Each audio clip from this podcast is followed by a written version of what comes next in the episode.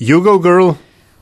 Metin čaj, podcast, dobrodošli vsi, ki ste se nama pridružili. To je podcast o medijih, dobrih in slabih praksah, novih tehnologijah in trendih prihodnosti v medijih. Gostje v medijih delajo, z njimi živijo in o njih razmišljajo. Gostitelja pa sva Nataša Briški, Metina Lista in Aljaš Pengov Bitens, Radio Chaos. Zdravo, Aljaš. Pozdravljena. Kot vedno in kar vedno poveva na začetku, komentarji in predlogi dobrodošli na e-mail naslovu infoafnametinalista.sim. Oba zalažem, naj jo lahko podsukate na Twitterju pod afnadc43 in afnapengovski. Spremljava pa tudi ključnik Metin Čaj. Um, Maljašo vodoma sem rekla, da so gostje, da v gostje v medijih delajo, ampak občasno imava večinoma seveda ljudi iz medijev, novinari, uredniki, fotografi in tako dalje, občasno pa tudi strokovnjaki, ki na določenih področjih, ki se za um, na določenih temah so pripravljeni izpostaviti v medijih in naj zanima seveda tudi klepet o tem, kako izgleda iz druge strani. Ne? Tako je. Jaz imam sicer pred tem eno priznanje za upravljanje, oziroma se moram posuditi s pepelom. Ja. V šestih plus letih, kar mi dva delava tale metin čaj, se jaz še danes nisem na pamet naučil tvojega introta. Sej, a misliš, da ga jaz na pamet govorim? no, ja. Ne. Dobro, saj nekaj. A deluje, nekaj, aha, zdaj, vidiš, deluje ja, kot ko na oljeno. Ne deluješ, drago. Okay, moja, niste ja, slišali ja. tistega, kar sem prej rekla. ja, a ne. To pa A, zdaj ampak je ja, na pamet, a- lej, to bo pa zdaj čist na pamet.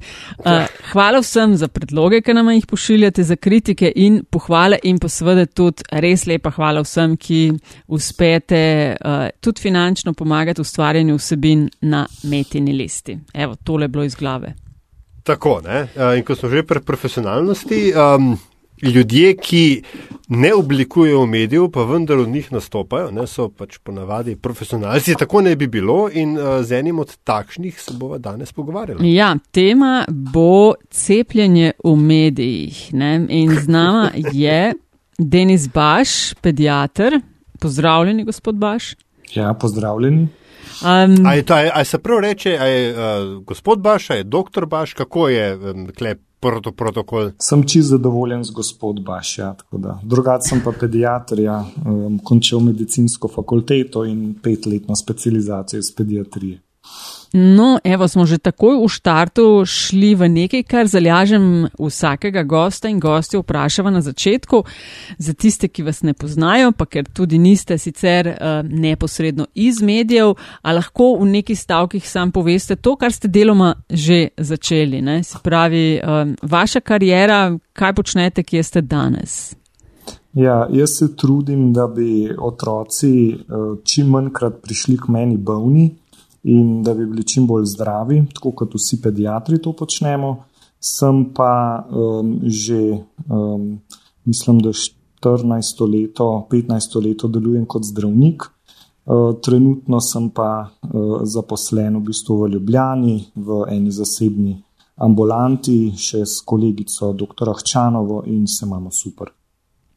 No, naju um, v tokratni epizodi Metinega čaja ne bo toliko zanimalo zdaj zagovarjanje ali pa argumenti proti cepljenju, ampak primarno, kakšni so odzivi, ko se nekdo izpostavi. Kaj se vam kot strokovnjaku zdi, da se v medijih na to temo uh, dela po vašem dobro, kje vidite, da bi se dal eh, boljše. Ne? Vi ste, to moramo takoj na začetku povedati, sodelovali tudi v kampanji Ministrstva za zdravje. Ne?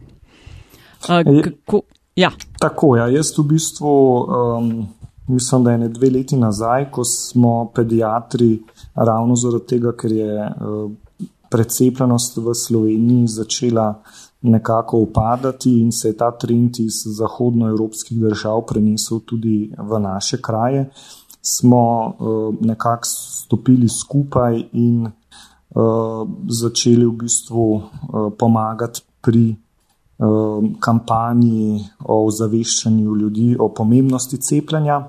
Takrat moram reči, da um, sem mogoče imel kar neki pomislekov ali stopiti v to aktivno. Tudi uh, sem oče dveh uh, najstnikov in prvi odziv mojega sina je bil, da je to res treba, ne, da se zdaj še izpostavljam v, v medijih. No. Ampak moram reči, da. Um, So izkušnje dokaj pozitivne, in uh, tudi v ambulanti, uh, kjer delujem, večinoma me ljudje v bistvu podpirajo. Tako da um, tudi um, nekaj je bilo sicer kakšnih komentarjev po teh uh, družbenih omrežjih, ampak moram reči, da s tem se ne obremenjujem.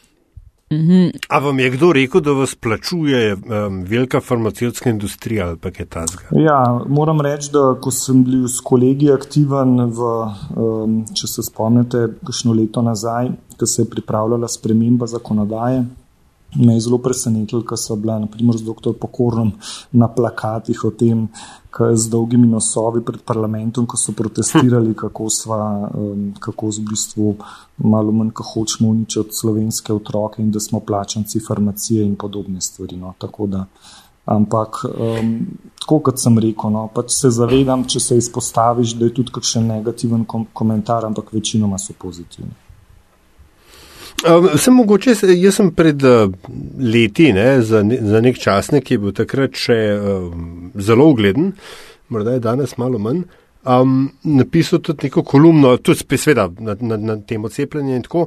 In se zdi, da je um, nek medijski konsens v Sloveniji, ne govorim zdaj o posameznih novinarjih ali pa celo nekih medijih, ampak da je velika, velika večina uh, medijev in ljudi, ko njem delajo, nekako. Um, je jasno, kakšne so prednosti uh, cepljenja, zakaj je to dobro in kakšen vpliv ima to na, na splošno uh, stanje družbe. Mogoče za razliko od kakšnega, dru, kakšne druge um, teme, ki, ki sproža zelo žalčne odzive.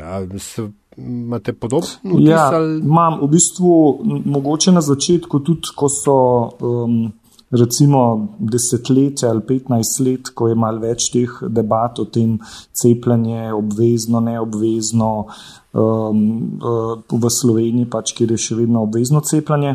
Moram reči, da tudi, uh, ko so analizirali te podatke o medijih, kako poročajo, je v zadnjih letih večinoma uh, so te informacije pozitivne. In uh, ne gre več toliko za to, da bi, kot je bilo prej, nekako mogoče neka, um, nek trend k uravnoteženju informacije, ne, da je v bistvu uh, nek strokovnjak dobil enako minutažo kot naprimer nek, uh, nekdo, ki je nasprotoval brez argumentov, ne, tako da se je v bistvu tukaj stvar v zadnjih letih zelo uredila. No. Ko ste omenili. Um, ja. Izvoli, Aljaš. Kar. Ne, ne, ne, seveda, kar izvoljeno. Sem to sem želela vprašati. Na začetku ste omenili, da preden ste šli v kampanjo, ste očitno pri sebi razmislili in uh, ste rekli, da ste imeli nekaj pomislekov. Ampak pomisleki so šli tudi vsled tega, kar ste ravno povedali, v katero smer, česa ste se v narekovajih bali. Um, ja, predvsem eh, veste, da. Um, nekako vsaka izpostavljenost v medijih ne, eh, prinaša, kako bi rekel, neko, neko tako tveganje, mogoče nekih podtikanjih ne, eh, in izgubi se pač neke energije, ali kako bi rekel, še za. Uh, ne, ki jo že tako pač zdravniki mogoče um, veliko porabimo na svojih delovnih mestih. No, tako da v bistvu predvsem v to smer. No. Um, sicer pa um, sem jaz vedno zagovornik tega, da če v neko stvar verjameš ne, in če dobro delaš, um, je vedno dobro to tudi mogoče v javnosti povedati in nimam kaj skrivati in se česa bati. Um, ja? To sem hotel mogoče samo vprašati, ko vas je sin vprašal, a, a ti je tega treba, kaj ste mu pa odgovorili? Ehm, v bistvu sem rekel, da eh, delam to tudi v njegovo dobro in da, ehm, da bo z leti že v bistvu videl, da, da ni tako grozno, no? tudi eh, če se v medijih nekdo pojavi. No. Tako da danes moram reči, da on je deveti razred, eh, ne? zdaj v bistvu je deveti razred in je to nekako sprejel in nima več nekih takih pomislikov kot na začetku. No. če sem vas prav razumela, se pravi, je šlo pri medijskem poročanju v preteklosti za, za ta neke uravnoteževanja. Za, proti, ne glede na to, kakšen CV na določenem uh mhm. -huh. področju je kdo imel za sabo. No, kaj pa, pa da danes tega, ne bom rekla, ni več, ampak vse manj. Kaj so pa, kaj vi kot pediater opažate, katere napake pri poročanjih se po vašem mnenju dogajajo?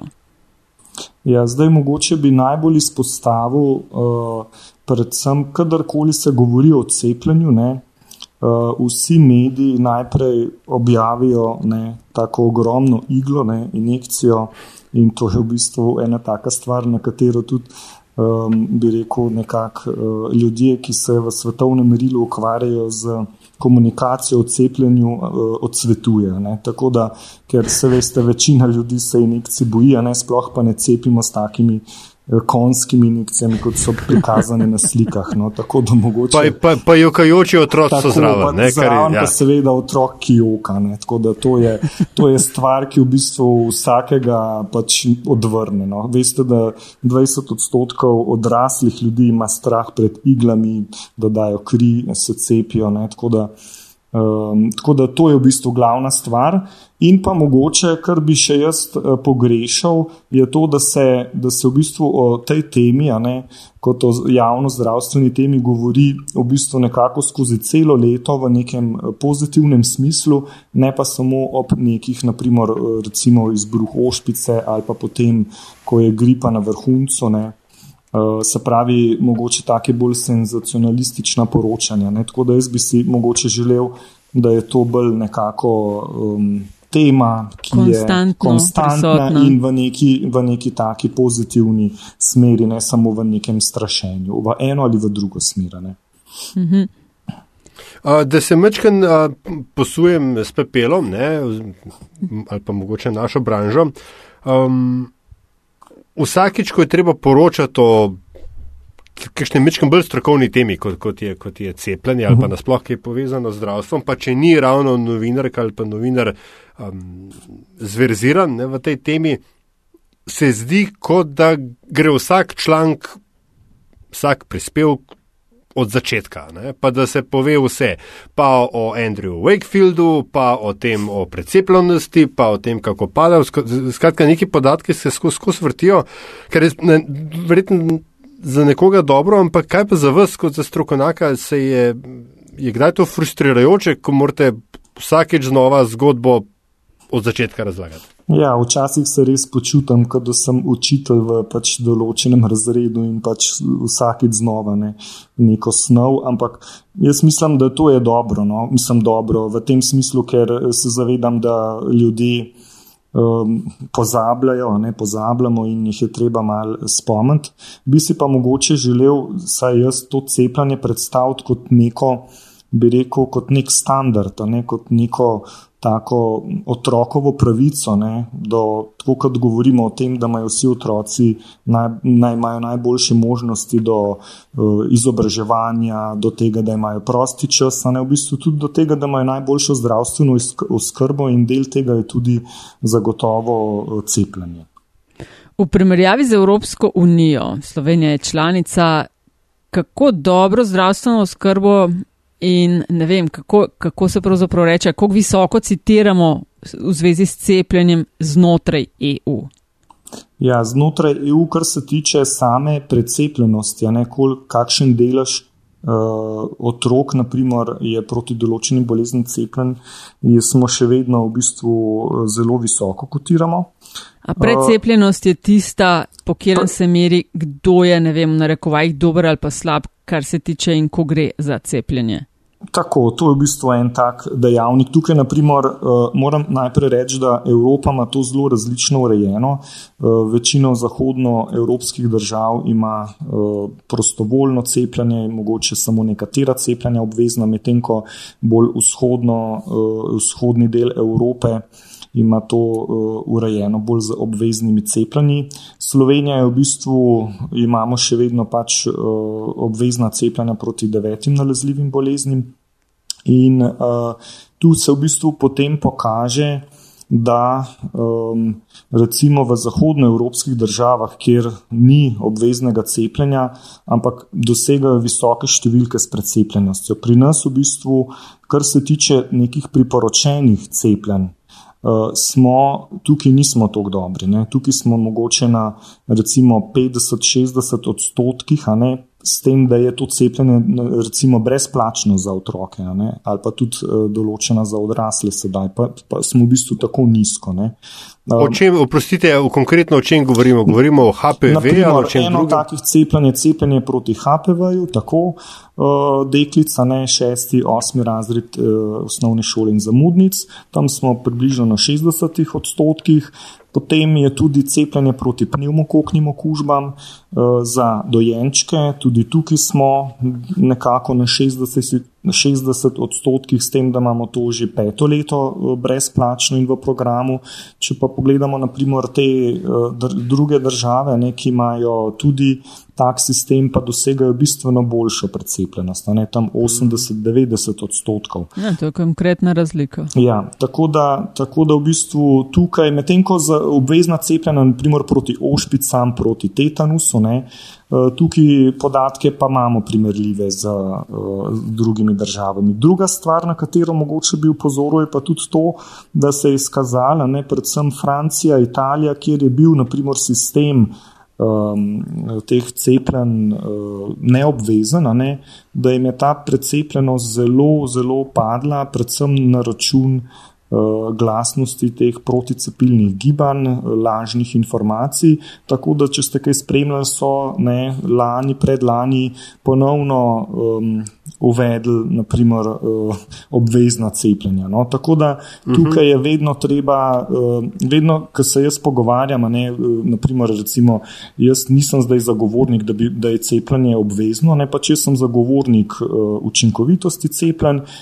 Tega, da nekdo, če se za nekaj odloči, da nosi tudi odgovornost, in če, bo, če imamo mi družbo, kjer je neko zavedanje zelo visoko, potem ne rabimo, naprimer, za nekimi temi stvarmi urejati. Ne? Ampak žal se je izkazalo, da naša družba še ni tako, bi rekel, razvita, oziroma um, ni ta zavest tako visoka. Mm. Ja, italijani so, mislim, da so bili italijani, italijani ki so ja, zdaj italijani celo prepo, ja, prepovedali, uh, oziroma uh, prepovedali opiso vrtec, če otrok ni cepljen ali tako, nek, nekaj takega. To so italijani tako, naredili, pa v bistvu globe ja. za naprimer, tiste, ki uh, se ne cepijo, pa uh, so pač v šolah. Uh, tako ja. da, ja. Ja, no, kar se priporočenih cepljenj tiče, moram jaz kot um, nedavno še starš uh, mhm. dojenčkov oziroma mehkih mulčkov mhm. reči, da je cepljenje proti pneumokoku, pa pa še kakšnem rotavirusu, to je čist druga kvaliteta življenja. Ja, ja. Uh, ker, če otroka ne boli, pa če pol starš uh, rotavirusa, pol ne sname, je to je tudi super. Kukorkoli, malo se hecam, ampak je pa res. Mm, eno drugo izkušnjo sem vse hotel dati, no, ker to je, to je tudi ta večna dilema uh, v Sloveniji, zdaj je cepljenje obvezno ali prostovoljno in zelo močno sugerirano. Uh -huh. um, v Luksemburgu, kjer pač jaz živim, so ta cepljenja prostovoljna, ne? ampak um, pritisk psihološki, na katerega, ki, ki ga na te uh, izvaja pediatr, če pač ugotovi, da jo je vaš otrok je pa za dva tedna, kaj, dva meseca zamudil uh, naslednjo dozo, kaj pa vem tega in tega, to tako rekoč ne, uh, ne, ne preneseš tega. Ne? Um, in, je, se mi zdi to kar učinkovit. Uh, pristop eh, za, za doseganje nekih, stopni, nekih visokih stopenj prezepljenosti. To gild tripanje staršev. Recimo, ja, se je v bistvu, uh, ko so delali tudi raziskave, kaj so tisti faktori, ki vplivajo na to, da starši naprimer oklevajo, kot lepo rečemo, oziroma pač v podoklevanje štojemo tako, da ti predstavljaš cepljenja, ne, ko bo otrok starejši, ne, oziroma ga čisto uh, odkloniš ne, za neka določena cepiva ali pa sploh nič ne cepiš cepiš, ne, so ugotovili, da je v bistvu glavna, glavna nekakšna skrb staršev ta dvom o varnosti, učinkovitosti cepiv. Ne.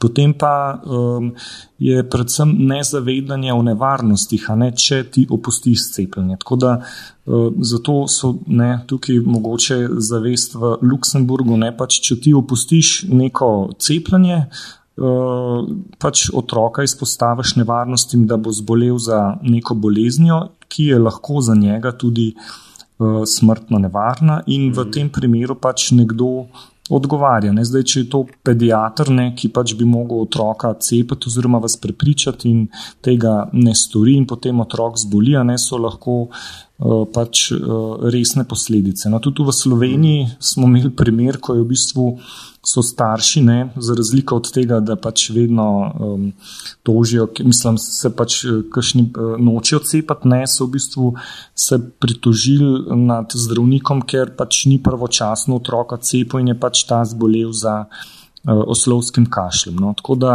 tudi v to smer gredo pač uh, um, stvari. Ne. Mhm. Nasprotniki in nasprotnice cepljenja, ko gre za debate po različnih forumih, izpostavljajo vedno neke številke in veliko krat gre za navajanje raziskav dvomljivega slovesa. Zdaj pa sredi septembra, če se ne motim, je bila v Bruslju, je bil svetovni vrh o cepljenju. Uh, kateri so tisti podatki, ki jih mora biti skeptičnim staršem vi poveste, ko zagovarjate uh, cepljenje? Ja, zdaj, prvi vrsti, prvi vrsti v bistvu jim povem, da um, cepiva so tretirana kot zdravila in kot taka podvrža, podvržena najstrožjim um, vsem, uh, se pravi, um, fazam um, registracije, raziskav, spremljanja, uh, potem pa tudi. Um, Pri samem, sami proizvodnji, vse čas se spremlja kakovost. Uh, Uh, vsa zdravila in cepiva um, v Evropi so tudi zaščitena s kodami, in uh, pač, ko so v lekarni, naprimer, uh, izda neko tako zdravilo, se prav iz sistema pač se ga um, skenira in se v bistvu vidi v sistemu, ali je ta koda zavedena ali ne. Tako da v bistvu, kar se tega tiče, ker moramo se zavedati tudi, ne, uh, ne samo pri cepivih, predvsem pri zdravilih, a ne kupovanje na črnem trgu, tukaj je lahko zelo velik problem. Tako da v bistvu ta varnost je res, ker, ker cepiva so narejena za zdrave ljudi, ne. In tukaj je še, še, še prej se izpostavi vsaka težava, ki bi nastopila pri cepljenju. Tako da to je res zelo, zelo regulirana stvar. Okay, Drug, se pravi, ja. ena je, a, pardon, sem vas ja, se pravi, izvolite, ta ja. varnost, ne, varnost, ne, ker, uh, ki je v bistvu res, ne, če, če če pogledamo, ne vem, hrana ali pa, eh, ali pa naprimer neka prehranska dopolnila, ne, ki v bistvu nimajo nobenih teh, eh, so zelo prodajna, zelo se naprimer ne, pač eh, tudi preko spleta, razni te alternativne stvari. Ne, tukaj v bistvu, ne vem, se starši kdaj vprašajo, ne, ali so ne vem, neke kapsule za neko stvar ali pa neki pripravki, ne, ali je ali je to sploh varno, ne, je to sploh, mislim, je notr stvar, ki piše, da je noter. Da to je, to je, to je zelo, zelo velika v bistvu kontrola, naprimer pri cepivih. Um, Čakaj, mislim, da je še, še drugo, okay, da, je to, da, je, da so cepiva zdravila. Ampak polje pa tudi, recimo, so podatki, s katerimi operirajo, je, a če boste cepili, odstotek neželenih učinkov je vem, več kot 50 in podobno. Ja, a, kaj so še tiste druge, druge številke, ja, s katerimi skušate pomiriti? Učinki, ja, neželeni učinki so v bistvu, uh, če, zdaj, en od očitkov je tudi to, da skrivamo pač ta, kaj je sestava ne, teh cepiv oziroma te liste, ampak to je vse prosto dostopno. Uh, v teh uh, skrajšenih povzetkih, oziroma uh, povzetkih o cepivih, ne kot o zdravilih, to, tako da je v bistvu notor vse to zavedeno, kaj cepivo vsebuje. Stranski oziroma neželeni učinki, jaz vedno rečem, ne, pač uh, so pri vsaki stvari uh, možni. Na srečo pri cepivih, ne seveda 50 odstotkov, če vi zdaj štejete vsako, vsak jok otroka, ko ga cepimo, ne, takrat na mestu lica, vsako rdečinco, uh, malo teklince, ne, seveda kot stranski učink, ne, so te številke take, ampak sicer pa uh, naprimer neka temperatura je že redkejša, tudi starši dobijo navodila, kako ob tem ravnati, medtem ko uh, pa razdražljivost ne, sicer pa v bistvu to so te glavni neželeni učinki. Ne. Tako da so prehodni in, uh, uh, bi rekel, ne nevarni. No. Um, to sem hotel vprašati. No, glede na to, da so, kot ste že na začetku omenili, te trendi ne, izogibanja ali pa zavračanja cepljenja nekako prišli, prišli k nam od drugot. Uh, kako je, um, a ste vi kot pediatr zadovoljni z podporo na eni strani na nacionalni ravni, v smislu Nacionalnega inštituta za javno zdravje, pa drugih relevantnih, zdaj me bo Nataša tepla, deležnikov. Um, ja. in, pa, in pa drugo, kar je Nataša že omenila, na, na evropski ravni, ne? ker po eni strani tukaj neka inicijativa strani Evropske komisije in uh, uh, drugih um, evropskih inštitucij so, ne? tudi nekaj denarja na, na, na to temo obstaja. A ima to učinek, pomaga? Ja, tako. Zdaj moramo v bistvu um, reči, da ravno zaradi te, bi rekel, slabše odzivnosti inštitucij, ne, ki bi po našem mnenju, se pravi pediatrov, morale biti glasnejše, smo nekako pediatri prevzeli uh, malo bremena tudi na svoje pleča. Tako da bi rekel, da v zadnjem letu vse stvari spreminjajo na bolje. Um, ampak uh, tukaj bi si že, tukaj jaz mislim, da se da še veliko narediti in uh, da ima, tako kot ste omenili, ta Nacionalni inštitut za javno zdravje zelo veliko vlogo in um, računam na njih tudi v prihodnje. Um, tudi uh, se pravi, uh, sem vesel, da se je stvar na ravni Evrope nekako začela premikati ker uh, druga stvar ne, je pa nekako poenotenje cepilnih programov v Evropi. To je pa v mhm. bistvu drug projekt, ki si ga je tudi nekakšna Evropska unija oziroma komisija te delovne skupine, ne, da bi se nekako te programi v Evropi poskušali poenotiti, da bi če se potem, zdaj so te migracije, ne, tudi jaz se v, v ambulanti, kjer delam, se srečujem vsakodnevno z ljudmi, ki so živeli, ne vem, pet let v Angliji, tri leta, ne vem, v Nemčiji, pridejo zdaj sama, ne, in potem gledati, kako zdaj bomo zdaj skombinirali te, te cepilne programe. Ne. Ampak tukaj, tukaj uh, pa čaka v bistvu uh, Evropsko unijo ali kako pač veliko dela, ker je pač zelo veliko nekih um, stvari ne, v igri. A, a, a je to. A, a so, tukaj, so tukaj velike razlike? Jaz pač dobro, da v Luksemburgu vem, da so ne razlike pri cepivih za razne hepatitise, pa tako, ampak tukaj gre, ampak pri otroci gre večinoma samo za vprašanje. Um, Časa, ne, oziroma tako, to, le, leta, po katerem je otrok cepljen. Ampak Domneva, da imate vi širši, širši pogled, pa so te razlike večje? Ja, mislim, razlike so prvič v uh, cepivih, ki so v programih, se pravi, da jih uh, država plača. Ne. Mi, na primer, imamo recimo cepljenje proti pnevmokoknim okužbam peto leto noter v programu, medtem ko je v določenih državah to že deset let ali več. Ne. Potem rot, proti rotavirusu imajo nekatere države to v programu, pri nas je pač to samoplačniško, morajo starši sami plačati. Ne. Zdaj ste videli eh, z eno zadnjih cepiv, ki smo ga dali noter v program, je cepljenje proti klopnemu meningitisu. Sloveniji, Slovenija je v bistvu v samem svetovnem vrhu po pojavnosti te bolezni, ki jo lahko preprečimo s cepljenjem in od letos imajo naprimer triletniki eh, možnost eh, se cepiti brezplačno, prav tako tisti, ki so stari 49 let ne, v letošnjem letu. Zakaj da, 49? Pač ta meja je v bistvu uh, nacionalna. Do 49? Ne, ne, samo ne. To v bistvu pos, uh, pogledali so, kakšna je, kje je breme te bolezni največje in je v bistvu v skupini nekako od uh, 55 let do, mislim, da. Do 70. leta je ta bolezen lahko uh, najhujše poteka in je tudi največ teh primerov v Sloveniji, in so se pač odločili za neko starostno mejo, ne, pač, da uh, jih bojo cepili. Če bi mene vprašal, bi pač cepili, bi vsem to ponudil, eh, ki, ki se v bistvu hočejo cepiti brezplačno, ampak uh, nekje je bilo treba začeti, ne finančno, druga stvar je pa tudi v bistvu.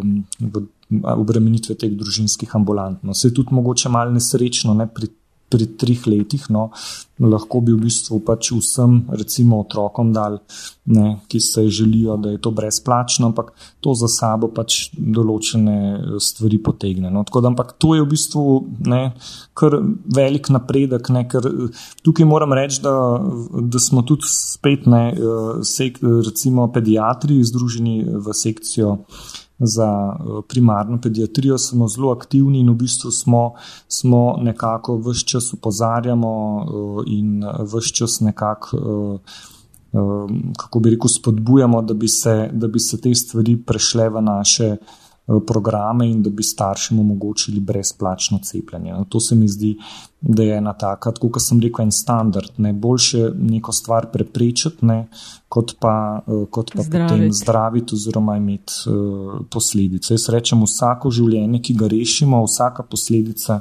Nekih teh bolezni, ki jo lahko preprečimo, je zelo pomembna, in pač ne za vsakega starša, se veste, pač ne, pač otroci so res naše največje bogatstvo. Ne. Tako da upam, da bo država no, tudi začela še bolj v to smer uh, delovati. Um, omenili ste, da zahodni del Evrope ima neke vrste svobodno odločanje, kar se tiče cepljenja, da večina vzhodnega dela Evrope je bolj obvezno. A pa drži to, da svobodo odločanja res podpira vse več zdravnikov in zdravnic. Ja, zdaj v bistvu tako. No. To je tudi eden od očitkov eh, proti cepilcev, ne, da jim je kratena neka svoboda do odločanja. Ne. Uh, tukaj, tukaj v bistvu jaz vedno rečem, da vsaka svoboda, ne, vsaka pravica nosi s seboj tudi neko odgovornost. Ne. Tako da uh, staršem tudi vedno rečem, ne, da um, da če, če nekaj, ne vem, če otroku, ne vem, če ga ne upišete v šolo, ne, pač, uh, eh, kar se tako odločite, ne, pač boste dobili na vrat socialno službo, pač, ker je ne, šolanje je pač pri nas vrednota oziroma standard obvezane, obvezno osnovno šolo imamo. Ne.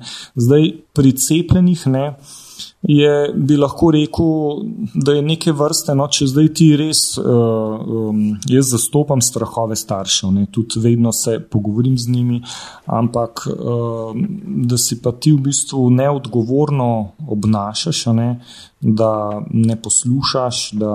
Um, da imaš pač, pač pa nosi za sabo tudi neko, neko tveganje za tega otroka. In se je tudi zgodilo, veste, da se je otrok ne, vem, ne cepljen, da je bil poškodovan, ker veste, da je potem eh, lahko zbolijo za tetanusom, ki če se pač ne zdravi, oziroma če se ga ne prepreči, je v končni fazi smrtna bolezen. Ne je tukaj potem zdaj, kaj bo zdaj s takim staršem, ki v bistvu odklanja to cepljenje, ne, kako zdaj v bistvu, to je v bistvu neke vrste, to je zanemarjanje otroka in uh, so kolegi bili v veliki stiski in so tudi potem uh, poklicali določene inštitucije. No, tako da tukaj vsaka medalja ima dve plati. No. Mm -hmm, no, ampak vprašanje ostaja, svoboda odločanja res podpira vse več zdravnikov. Ma, jaz, ki se v bistvu s kolegi pogovarjam, um, So Jih je vse več tukaj, takšnih kot vi, no. ki ste za svobodo? Mm, tako bi rekel, mogoče starejše generacije, ne, no, mlajše, mlajše pa no. Uh, tako, da, okay. ja, tako, tako bi rekel, no, ampak v bistvu vsi smo, če ne bo zdaj tako se slišali, vsi smo na istem bregu, vsi zagovarjamo pač uh, ja, ja, ja, ampak ja, ja. Uh, sistem bi mogel biti tako narejen, da če se nekdo za nekaj odloči, pač in temu sledi neka posledica. Ne? Ne, to je vedno tako. No.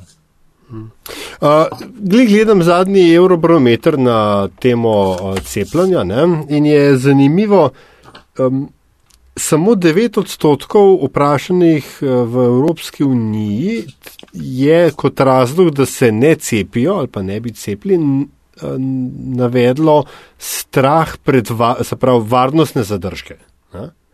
Medtem ko je uh, velika tretjina tistih rek, rekla, oziroma kot odgovor navedla, da sem ga ta hip sem ga zgubil, uh, da uh, se jim enostavno uh, ne zdi potrebno. A je, a je možno, da se v bistvu vse čas pogovarjamo o napačni stvari. Ne, vse to je v bistvu to, kar sem prej rekel. Ne, to je uh, temu rečemo neka samozadostnost, ne, ne, ne zavedanje posledic oziroma nevarnosti. Ki jih prenese opustitev cepljenja. To pa zaradi tega, ker uh, morate vedeti, da smo, ne, uh, bi rekel, nekako po vojnem času, ne, napredek medicine, vse skupaj, uh, tudi cepljeni, uh, so bolezni, ne, kot so naprimer vem, davica, kot so um, ošpice, kot so naprimer oslovski kašelj pri novorojenčkih, ki veliko otrok zaradi tega umrlo. Uh, uh, potem uh, naprimer otroška paraliza, ker so pač uh, ljudje um, bili na umetnih pljučih, da so jim mišice odpovedale. Te stvari so neka preteklo za starše, ki so, se pravi, za te mlade starše. Ne? In v bistvu, če ti, če ti ne vidiš, ne, kaj, se, kaj v bistvu se lahko zgodi, kaj v bistvu preprečuje cepljenje, potem postaneš samo zadosten in pa se ti zdi to čisto nekaj brezveznega. No? Mm. Um, kaj pa lahko, um, se mogoče, verjetno počasi čas, da, um, da gremo malo proti koncu, ne? ampak uh, veliko stvari se pač, zelo drugače moramo vprašati. Vse to seveda vemo, ne? ali pa recimo na, na racionalni ravni se tega zavedamo, uh, bre, beremo o tem, uh, pediatri nam to poveste. Uh, Posi pa novo pečeni starš, ne, ki te vendarle um, skrbi uh, za svojega otroka, uh, in potem si kar naenkrat, ne da bi v resnici hotel, si mečkan zmeden. Kaj, ja, je, kaj ne narediš? Ja, to ja. je vedno tako, v bistvu, um, seveda, ne, ko si enkrat starš. Um, sam sem tudi starš, ne imaš vedno potem skrbi, ne, pač glede vsega in pač z leti te skrbi samo naraščajo, čeprav si misliš, da ne bojo. Ne, jo, je hva, tako, ne. Hvala, to ja. sem rabo zdaj. Ja. tako je, ne, pač na začetku mogoče imaš občutek, da imaš vse pod kontrolo, ne, ampak pol kasneje vidiš, da, da, nimaš, ne, da nimaš nekih eh, takih kontrol, da, ampak eh, se ni tako hodno. Ampak hočem reči, da, um, da se potem Um, Dajte mi sam uh, upomniti, kaj sem rekel. Hotel sem reči, um, na, na koga ne se, ne se zdaj uh, Aha, starši obrne.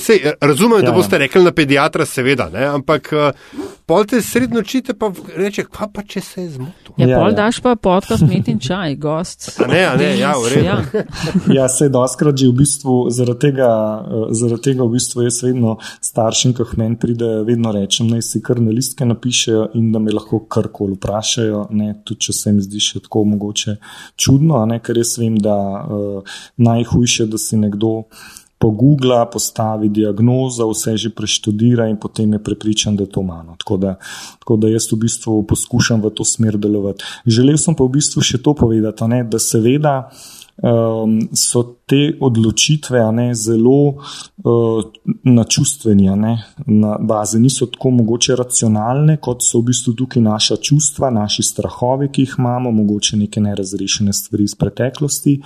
In uh, tukaj to je zelo pomembno. Tako da zaradi tega v bistvu te starši tudi rabijo.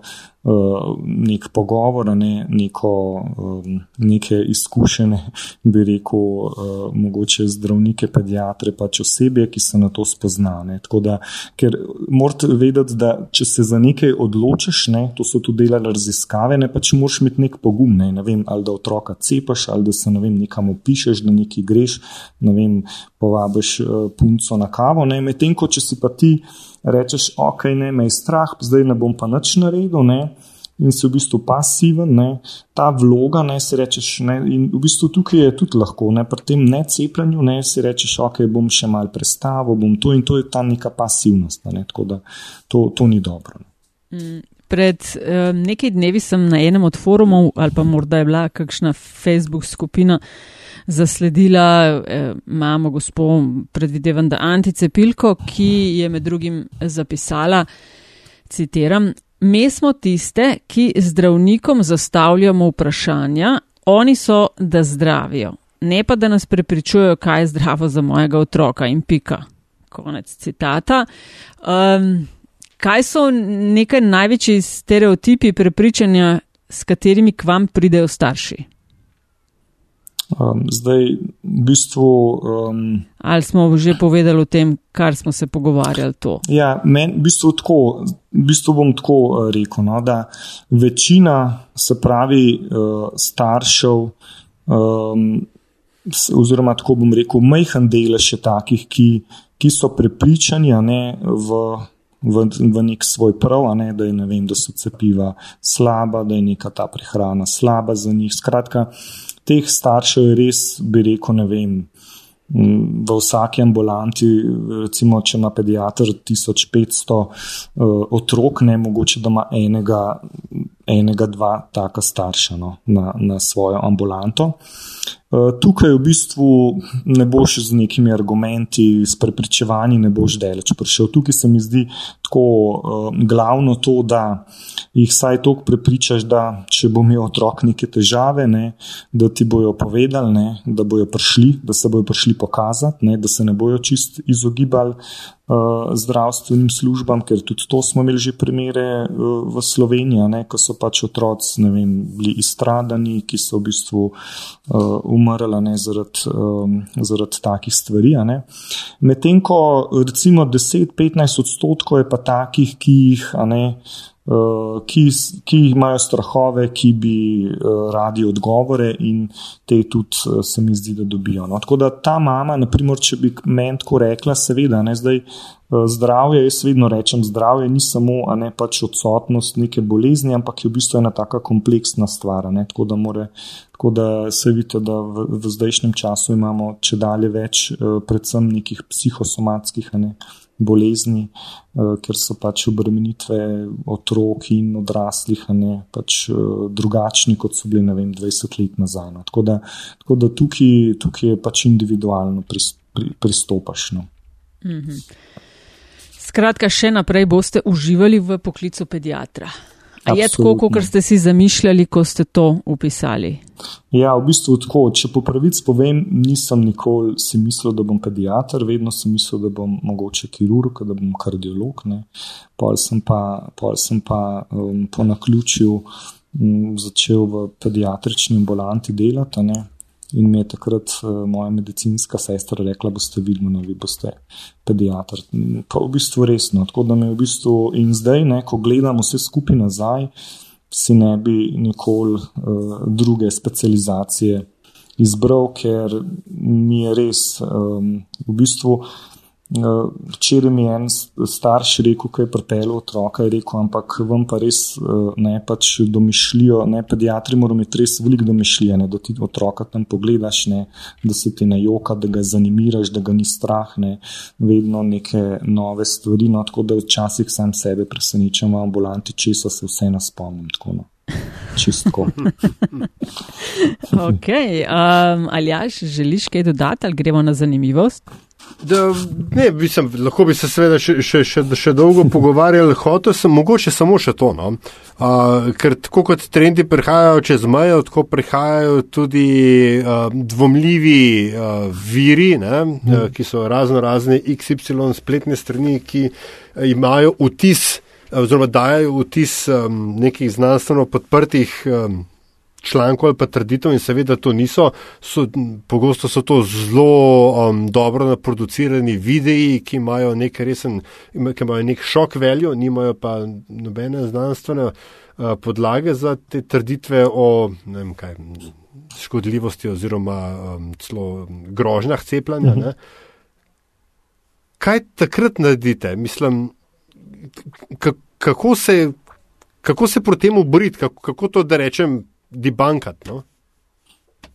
Ja, ne, vem, no, ne vem, če je nek, uh, nek, nek enot. Obstaja recept. jaz mislim, jaz mislim da, da ne, ker je vse te stvari. Uh, je odvisno, po moje, tudi od karakterja človeka, od uh, na drugi strani človeka, kako je. Tako da um, jaz mislim, da je to, da je to neka veščina, ne, um, ki, ki se v bistvu vsakič znova nekako uh, zimproviziraš. No, tako bom rekel. Seveda mm. pač so določene. stvari. Tudi jaz, na primer, staršem vedno rečem ne, za otroka, tako določene stvari so take, o katerih debatiramo, ne, določene stvari ne, so pa pač take, ki tako morajo biti. Ne, tako, da, tako da jaz bi tako ja. rekel. No, in tako mora biti v metenem čaju, da ga vedno zaključimo z vprašanjem po neki zanimivosti za gosta. Skratka, eh, zdaj vas bova z Aljažem prosila, da z nama delite kakšno ali zgodbo, zanimivost, priporočilo, podrobnost, ki je lahko povezana z vašim poklicem, lahko pa tudi kaj posem drugega. Skratka, nekaj, kar uh, menite, da veliko ljudi ne ve, pa bi jih znalo zanimati. Ja, ne vem, mogoče, mogoče tako, če smo zdaj že pri cepljenih, a ne pa um, pri recimo starših, ki uh, odklanjajo, ne, potem pa uh, se je že zgodilo, um, se te staršine, otroke, ne vem, star tri leta, se je zdaj uh, oče dobil neko dobro službo v pač, tujini ne, in glede zlomka, pač ne ena od stvari, ki, ga, ki jih morajo narediti, je tudi to, da predložijo cepilno knjižico ne, otroka, ne, oziroma pač drugače ne, ne morajo iti tja ne, in potem kar naenkrat. Eh, zmanjka, bi rekel, eh, rok in nog, ne, ker je treba to hitro narediti, da takega otroka pocepimo. Tako da, tako da v bistvu to, to niso osamljene zgodbe, ne, tudi pri meni v ambulanti in tudi pri kolegih. Ne, se pravi, te, bi rekel, eh, ki bi odlagali, odlagali, ne, zato da ne bo preveč ne za otroka, potem pa je pa treba to vse naenkrat štiri, ne vem, pač obe roke, obe nogi, ne, pa še, pa še kamane. Tako, mislim, to je taka no, stvar. Tako da um, jaz bi rekel, da um, treba je pač uh, zaupati v svojega zdravnika, uh, če tega zaupanja ni, ne ga bolj zamenjati, ne, ker če ne, ni potem dobro. Najlepša hvala, gospod Denis Baš, pediatr, za um, vse to, kar ste delili z nama v metenem čaju. Hvala lepa. Ja, hvala tudi vam.